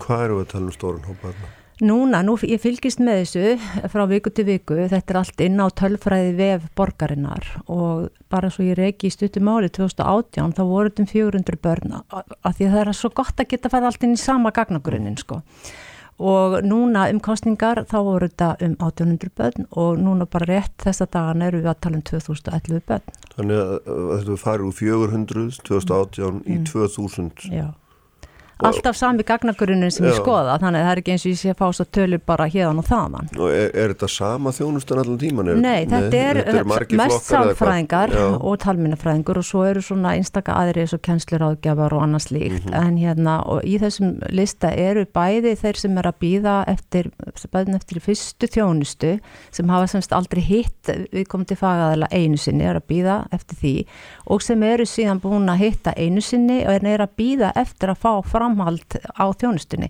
Þá er búið ákveða eitthvað meira að þurfa að gera, hvort sem það eru viðtölega skimanir eða greiningar og þá er það bara aftur á byggð eftir þeirri frekari þjónustu. Og það er cirka helmingurinn á þessum 2000 börnum sem er að byggja eftir fyrstu þjónustu og hinn helmingurinn er að byggja eftir framhaldinu sem mm. að það þarf auðvitað að fá því að það á fagaðli búin að meta þá þurfi meira. Hva, hvað myndir það kosta ef að, ef að hérna, bættum úr þessu með þeim hætti sem að Þa, þú hefur sagt, að, sagt að þurfa að gera?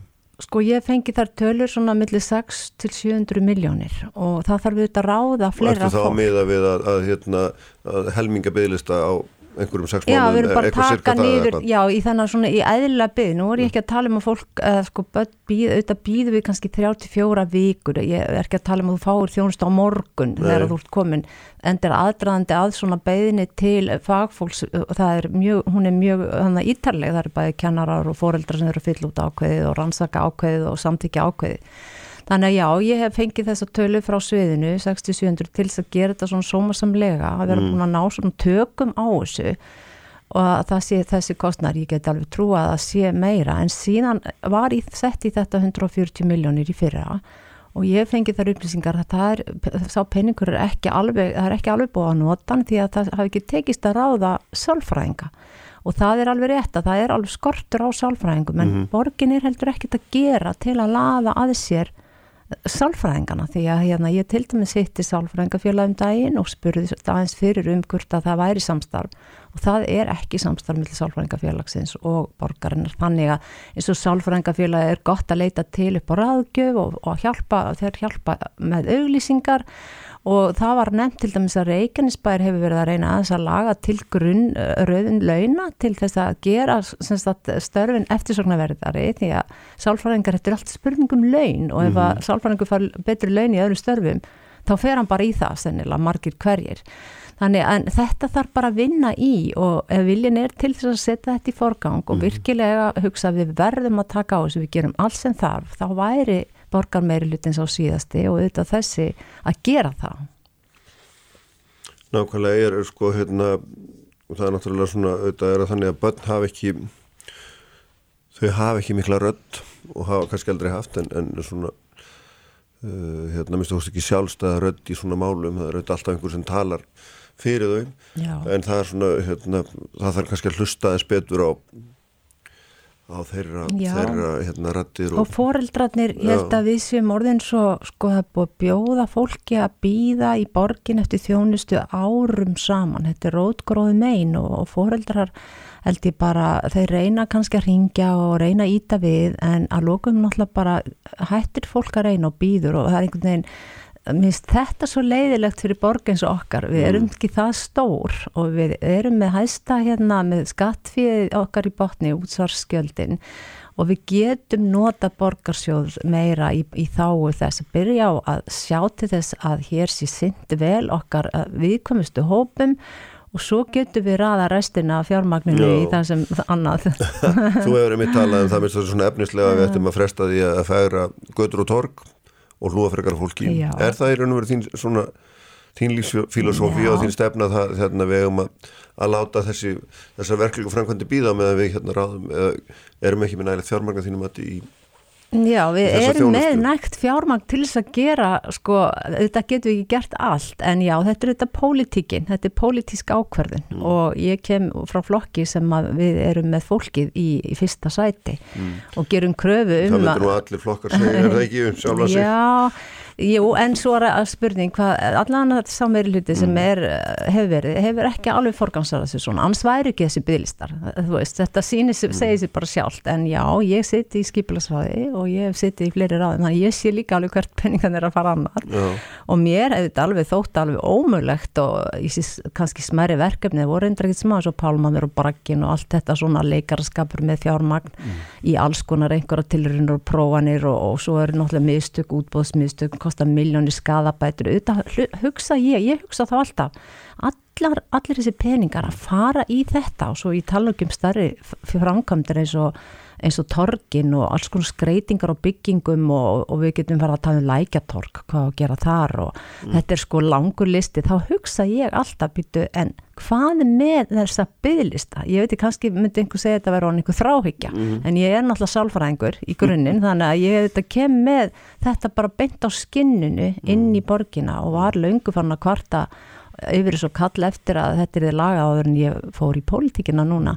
Ég er búin að vera heilsugjastlu sálfræðingur ég hef verið skólasálfræðingur til tíu ára þannig ég var með þetta sko í fanginu mörg ár áður en að ég kom í borgina. Mm. þess vegna er ég kannski svona þvers, þver í þessu og vill ekki sleppus Já, en sko hvernig, að því að þú er talað með, með, með, hérna líka mikið um það að það þurfa að hlusta meira fólk og þú verið með hérna, meðal annars hérna, eldri borgara og, og þetta, þessi börn og, og fleiri hópa sem þú nefnt sko. hvernig viltu láta breyta því? hvað er það sem það þarf að gera betur til þess að þeir hópar sem þurfa að ná aðtikli yfirvalda en að gæslappa hérna, geti gert það. Ég vil til þess bara borgarfullur og meirilit að gera nákvæmlega sama og, og ég er að gera. Ég fæ fjöld að skeita og, og hann að skilabóða og ég skoði þetta og auðvitað getur maður ekki hlaupið eftir öllu en maður fljóður að sjá hvar skóin kreppur og þá fer ég með það áfram inn í borgarkerfið annarkort mm. ég formi fyrir spurning eða tillagna. Ef ég væri með völd mm. að hefði einhver... En heldur ekki það sé eins með borgarfullur og meirilit, heldur þeir að áfram innan kerfisins eða hvað? Já, jú, kannski en ekki samt kannski alveg þessa hlustun á hvað fólk er að segja. Nú er til dæmis alveg búið að vera hávara rattir um eitt og annað í gegnum þessi síðustu fjögur ára allan og það hefur verið mikla ónæði rattir með ímsa farangkvæmdur og svona. Samt hefur verið haldið áfram með þær. Það eina sem var hægt við eða svona endurskoða var þarna við bústæðvegin. Að öðru leiti var bara keirt áfram, alveg sama hvað fólk var trillt af, af hann að reyðu og, og svekkelsi mm. þarna hefði máttu þetta alveg staldra við og eiga líka samtöl og sem fundi við fólki endanum, ekki, til þess með laugaveiksmáli og gungugötnar það var kert af það voru allt og lengi fannst mér bara verið að ganga svona gegn ströfnum og hefði mátt fara mildar og hægar mm. í þær sækir En einhverja stefnu þarf borgin að hafa hún getur ekki hlustað á hérna Nei. það er ekki hægt að hlusta á alla og, og stoppa í hver skipti sem einhver réttur upp hönd og segir ónaður Nei, en nú er þetta sveitafélag mm. og það eru skildur og ef ekki bara byrja að segja að, að sveitafélagið sinn, ætti að sinna sínu lögbundum skildum ekki bara þannig að það sé hana, rétt sleppi til heldur að gera það með fullnægandi hætti mm. og horfa ymitt þá ás að við komumst að hópa. Ég, ég myndi að halda að það væri alveg algjört frum skilirði ef sveitafélag allar standa sig að er að horfa til þjónstuðu fólkin mm. og bara ef, e, ef svo ég taki annað dæmi sem ég finnst samt svona svolítið merkilegt að það býða við 300 börn eftir að komast í skólahljómsveit Já. og bara að því ég er að horfa og þá segir fólk skólahljómsveit og hvað með það? Þó þú býðar eftir að komast í skólahljómsveit. En þannig þarna erum við að tala samt um tækifæri batna foreldra sem er efnaminni til þess að, að læra hljóðfæri því að í skólahljómsveit er bæði sungið og, og spilað á, á hljóðfæri. Mm því þú veist það ef þú átt ekki mikið pening þá sækir þú ekkert um tónlistarnám fyrir barnið til piano hjá einhverjum tón, tónskóla, það er bara mjög dýrt nám en ákveðið þurfa allir þessi börn að vera að byrja það er þegar bara fjórar skólaljónsveitir í borginni.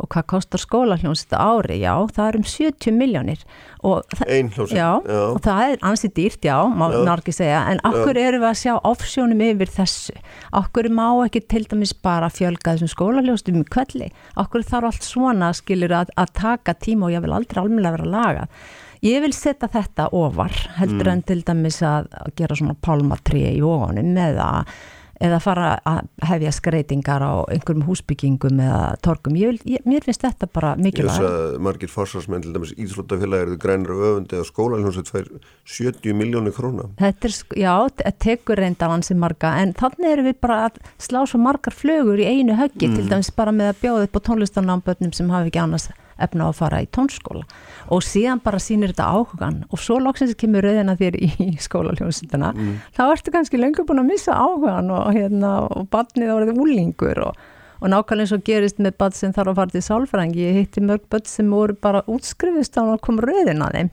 Og hvað var þeim þetta barn, hvernig leiði hvernig leið fóreldrani mm. hvað endaði síðan uh, það sem barni þurfti að fá fórða einhvern tíman aftur inn á sálfræðstofur, við vitum það ekki Nei, það, það er ekki... svona hlutir sem ég er hérna. já, já, já, en það er svona þegar við setjum svona áhugaverðstögnast að, hérna, eitt er náttúrulega að hlusta á borgarna mm. og, og annað er auðvitað svona er það að læra að þekkja hvenar það skiptir máli og mennur ekki bara já, svona, já, já. Hvenar, hvenar hérna það eru vega mikla aðtöðasendur og hvenar eru vega minni og náttúrulega eitt mjög áhugavert mál sem er í gangi við veit að þú eru aðeins að, að skoða sem er auðvitað miðborgar háaðinn Já. og þar sem eru hérna margir skemmtstæður og, og þeim hefur verið stemt hangað mm -hmm. og eru bara í svona fulla rétt til að reka, sín, reka sína starfsemi Já.